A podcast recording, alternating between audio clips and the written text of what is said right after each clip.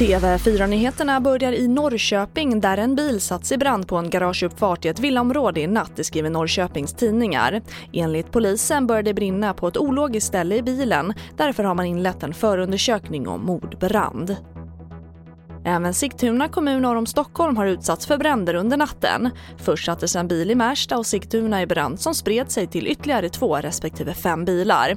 Kort därefter började det brinna i Märsta igen och då spred sig branden till tre bilar och en husvagn. Det finns inga uppgifter om några misstänkta eller gripna för bränderna.